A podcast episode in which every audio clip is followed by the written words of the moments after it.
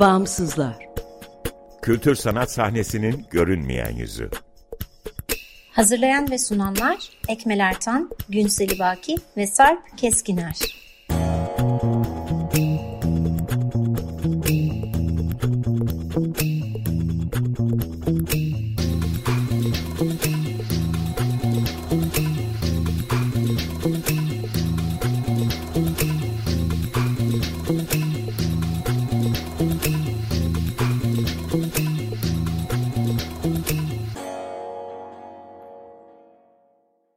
Merhaba, 95.0 Açık Radyo'dasınız.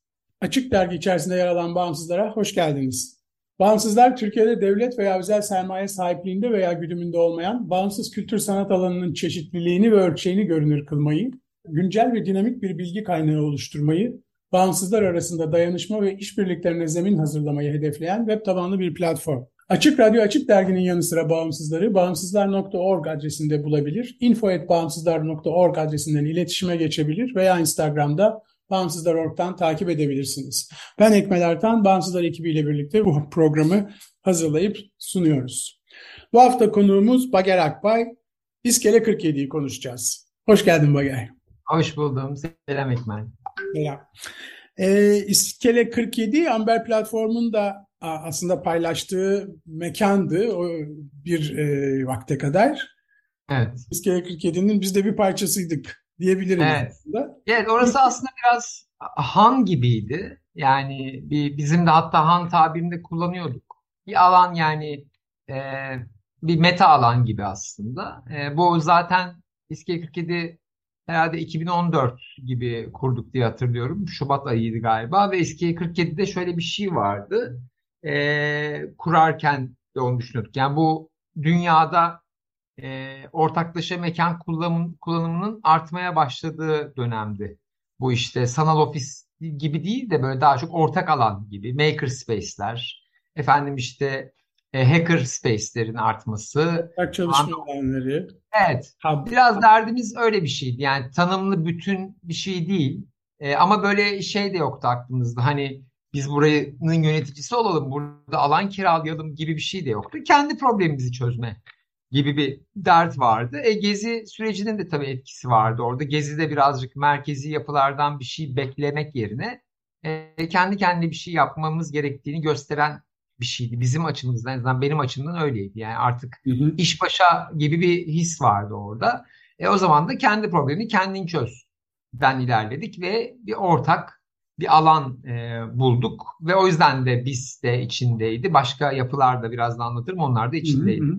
E aslında şeyle başladı yani bildiğim kadarıyla sizi senin e, kendine bir mekan arayışınla başladı. Ondan sonra Institu katıldı.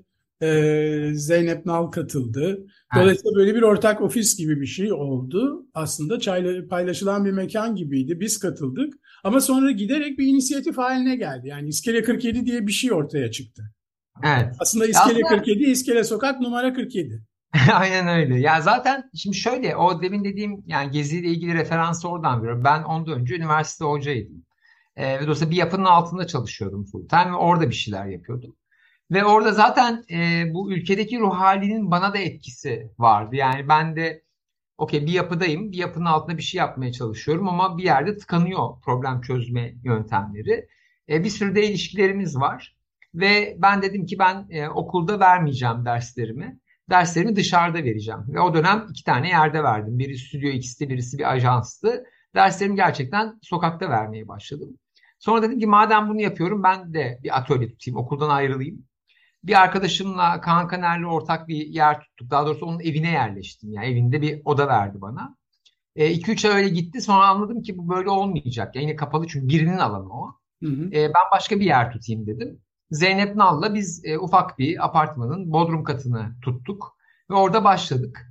E, ondan sonra 2-3 ay öyle gitti. Ama anladım ki daha büyük ve daha kamusal olabilecek bir alana. Yani aslında esnaf gibi biraz daha sokaktan geçenin gelebileceği bir alanın farkını fark hissetmeye başladım. O sırada e, Candaş Manları Nohlab'ın daha doğrusu e, Rusya'da bir işi vardı.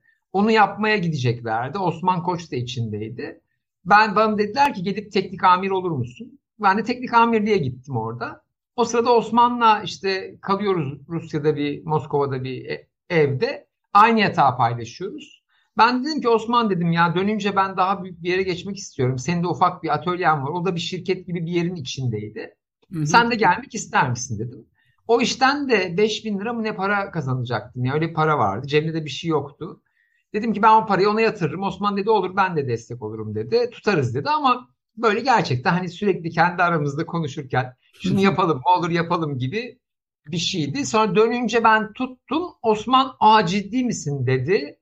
Sertaş geldi. Sonra Sertaş gitti falan derken ufak ufak yani Doğru Osman da vardı. beraber oldu. Tabii. Başında evet tabii. Ya Osman, Zeynep, ben, e, Ahmet Sertaç Öztürk falan işte onlar girdik. Sonra benim birkaç öğrencim geldi işte Alper geldi, Cansu geldi, başka öğrenciler geldi. Ve orada şeyi tartışmaya başladık. Şey çok ilginçti. Yani bir şey kafanda bir planla kurarsın diye Hı hı, bir hı hı. şeyimiz var ama gerçek çok öyle değil. Yani bir şeyi bir sezgiyle kurmak çok daha e, anlamlı geliyor ve o sezgiyi ortaklaştırmak için çaba göstermek de anlamlı geliyor. Çünkü ben mesela adını böyle daha havalı bir şeyler, böyle daha klasik bir şeyler, yani böyle daha İsa, İhsan Oktay Anar cümleleriyle, sözleriyle kurmak tercih ederdim. Osman şey dediğini hatırlıyorum. Ya İskele 47 diyelim, e, yemek siparişi verirken kolay olur. hani çok pratikti ve İskele 47'nin markalaşmasını engellemek için biz burada her şeyi yaptık. Yani logo yapıldı, logoyu dağıttık, başkaları türevlerini insanlara verdik.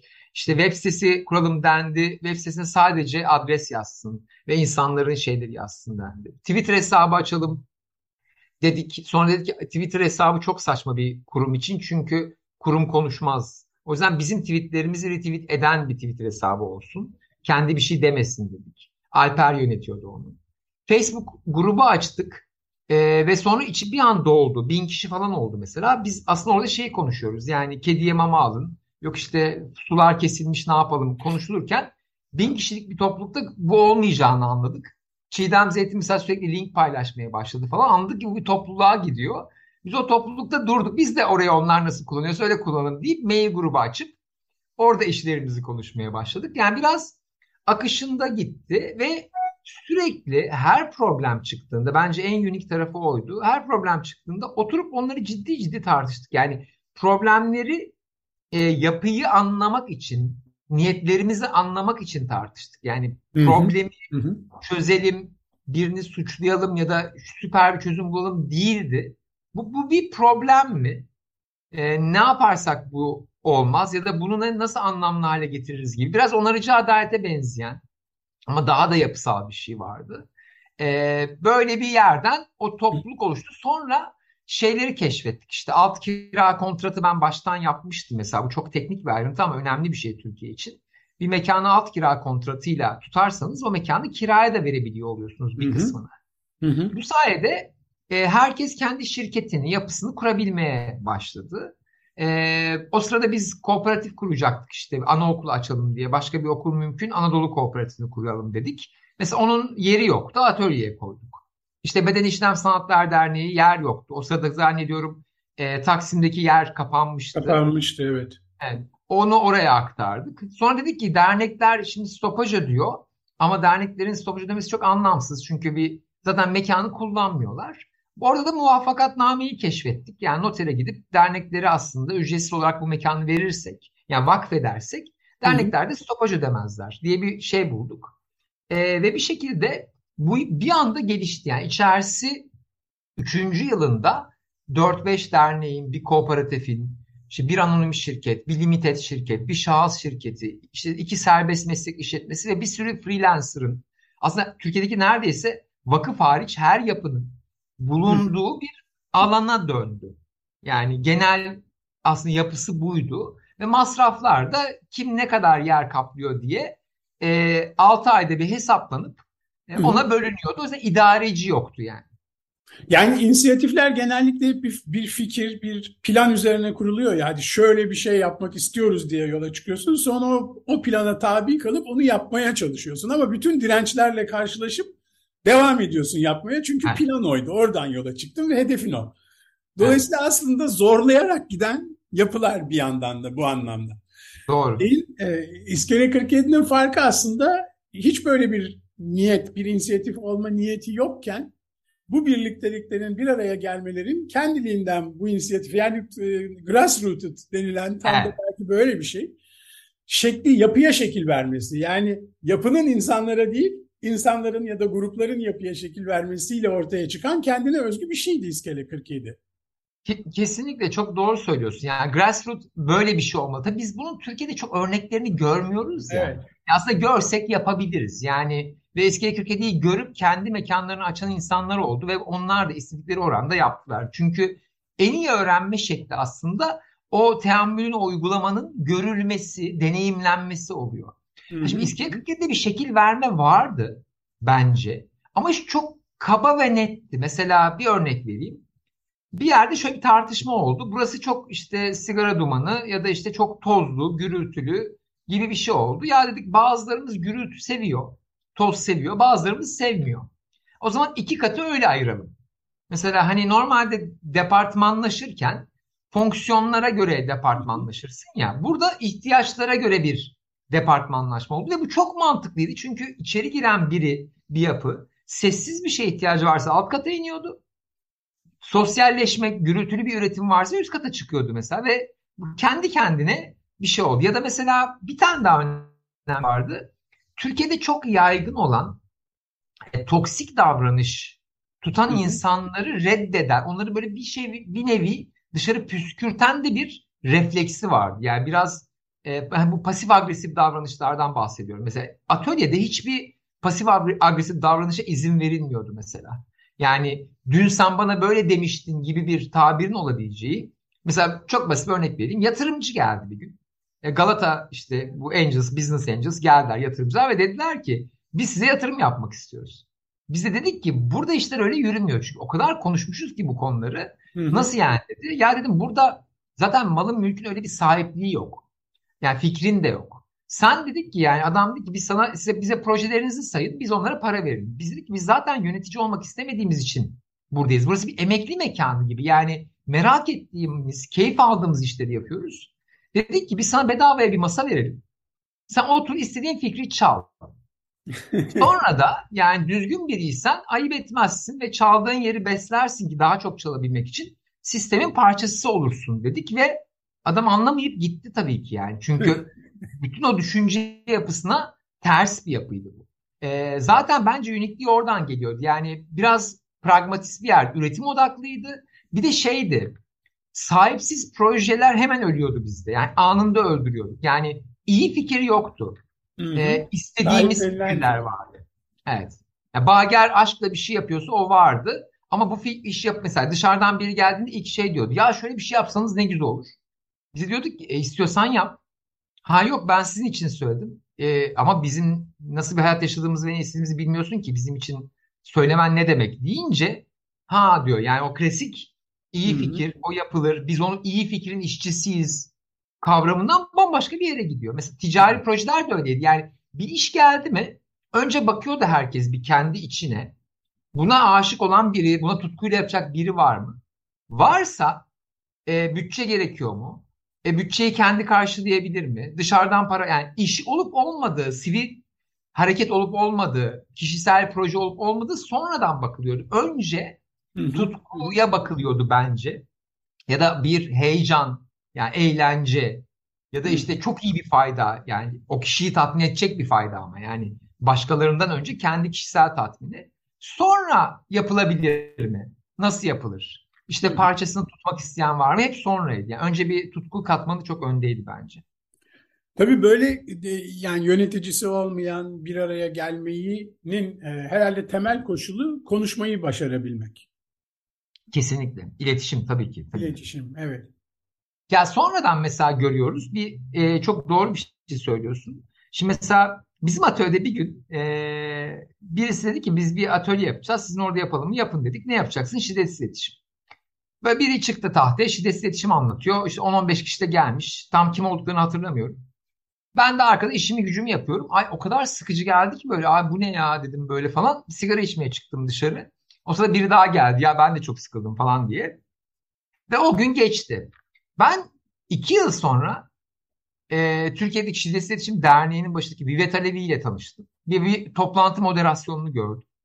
Aa şiddetsiz iletişim dedikleri çok şeymiş dedim. Böyle gözlem ve net olmak, alan tutmak. Hem kendine hem o orada gündeme hem de o kişisel alanı hepsinin birbirini gözetmekmiş. Şi görmeye başladım. Yani ve sonra şeyi fark ettim. Biz atölyede bunu yapıyormuşuz. Ama biz bunun adına şöyle diyorduk. Biz buna öküzlük diyorduk kendi tabirimizde. Çünkü çok düz bir iletişimdi bizim için o. Yani biri bağırıyor mesela. Sessiz olun arkadaşlar iş yapıyorum burada diyor. Öbürü diyor ki sessiz olamıyorum arkadaşım ben de iş yapıyorum diyor. Öbürü tamam diyor ve formülünü buluyorlar ve geçiyorlar. Sonra bir daha bu konuşulmuyor. Çok net, dümdüz, çözüm odaklı bir iletişim yapısı var. Yani birikime o mesela şey de yoktu. Ee, o da çok tartışmamız bir konu. Mesela beraber bir şey yapalım da yoktu. Yan yana duralım. Beraber bir şey çıkıyorsa ne güzel. Hı-hı. Çıkmıyorsa da çıkmıyordur gibi şeyler vardı. O yüzden iletişim yani biraz şiddetsiz iletişimi kullanıyormuşuz farkında olmadan. Sonra Peki ben... bu süreç yani bunu, bunu öğrenmek de bu böyle iletişim kurabilmeyi öğrenmek kendi egondan ya da e, kişisel alma şey alışkanlıklarından kurtulmak da kolay bir şey değil. Yani böyle bir hakikaten şiddetsiz iletişimin eğitimi var yani. Eğitim gerektiren evet. şey. Bu bir self kendi kendine eğitim de olabilir ya da topluluk içi eğitim de olabilir ama bir süreç. Doğru, çok Süreç doğru. sizde nasıl başladı? Yani başından sonuna nasıl ilerledi ya da ne gözledin yani? Şimdi ya şimdi lidersiz diyoruz ama tabii ki aktif aktörler var. Ben bu eleştiri sonradan duydum ya. Bager sen orada çok aktiftin. Yani ana karakterden biri dendi. Ama bu liderlik gibi değildi. Gerçekten daha ağır kararları verebilen kişiler oluyor. Soru tuttuğu sorumlulukla ilgili. Biraz bizim şeyimizle de ilgili. Yani yapımızla da ilgili. Çünkü ben de eğitimci olduğum için vesaire ve sivil toplumda yıllarca çalıştığım için biraz deneyimim vardı. Hı hı. Osman da mesela çok şey biriydi. Kendi ihtiyaçlarını gözetmeye çalışan, kendini korumaya çalışan ama insanlara destek olmaya çalışan, daha samimi ve bu tip e, kavramlar üzerine okuyan, araştıran biriydi. Hı hı. E, Selin Nage de öyleydi. Dolayısıyla hep böyle olunca insanlar biraz doğal olarak o ortam vardı. İkincisi ise şu galiba. Bir şeyin yani şey çok önemlidir ya. Ya buradan gidersek bir yerde takılacağız. O yüzden buradan gitmeyenini seziyoruz aslında hepimiz. Yani egonu masaya koymuyorsan aslında zaten e, yani o şey gibi ettiğimiz kavga talep ettiğimiz bir kavga gibi duruyor. Evet. Çünkü kavganın geliyor olduğunu herkes seziyor aslında. Yani istemiyordum bilmem ne oldu falan diyor ama oradaki zalim de olsan mazlum da olsan o kavganın gelişini seziyorsun yani. Galiba o çıktı odaklı, bir şey üretme odaklı olma o kadar öndeydi ki yani tutkularımızı tamamlama, yapma o kadar öndeydi ki duygusal bir hazırlık vardı. Diğerleri bir iletişimde problem olunca herkes bayrağı kaldırıyordu. Arkadaşım bu, bu iletişim buraya uymuyor yani.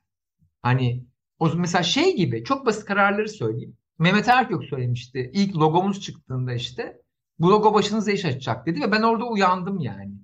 Böyle bir anda ve biz mesela tabela yaptırmadık.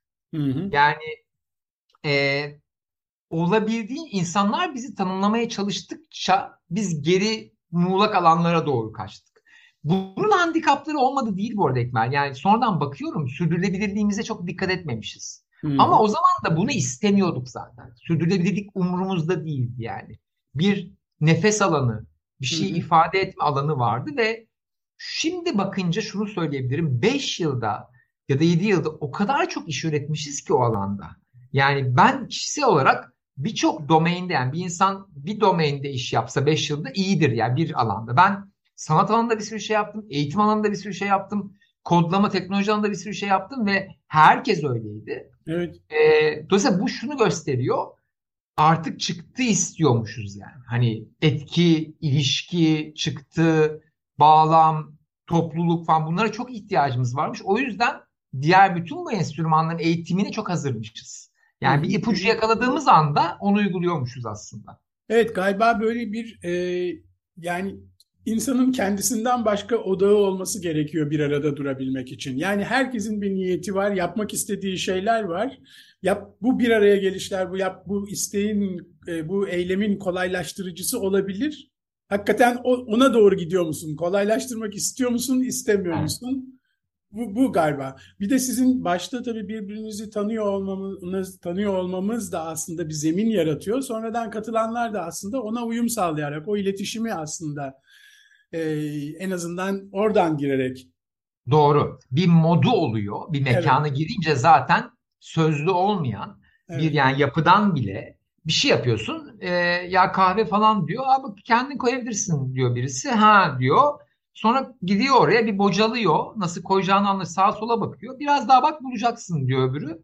Ve yani anladın mı? Birisi sana hizmet etmiyor mesela. Ve bunu anlıyorsun. Mekanda biri sana hizmet etmeyecek. Burası kendine hizmet ettiğin bir mekan. Mesela e, kahve bitmiş diyor. E alabilirsin abi diyor. Şurada kahveci var falan. Ve sen böyle bir anda orada ya ben burada misafirim bana kahve aldırtıyorlar diye sinirlenebilirsin. Ama şey de diyebilirsin yani. Kahve parçası da hissedebilirsin aslında. Evet. Kahve almaya giderken diğeri de diyor ki ya ben de 100 lira vereyim. Yani atölyeye de al. Deyince anlıyorsun orada bir çıkar bilmem ne şu bu yok. Gerçekten dürüstçe bir şey var. Ya atölyede dersler mesela ben orada kaç üniversite dersi yaptık bilmiyorum ama 3-4 yılda 7-8 tane üniversite dersi yapıldı. Ve ön lisans, lisans, yüksek lisans dersleri falan atölyenin içinde yapıldı. Orada da aynı şeyleri yaşadım. Mesela bir kere hatta çok epik bir şey oldu. Yüksek lisans dersi bir üniversitenin ve başka bir üniversitenin ön lisans dersi aynı anda yapıldı. Ve öğrenciler bir dersten diğerine geçebiliyordu isterlerse mesela. Sıkıldı mı diğer derse geçiyor falan.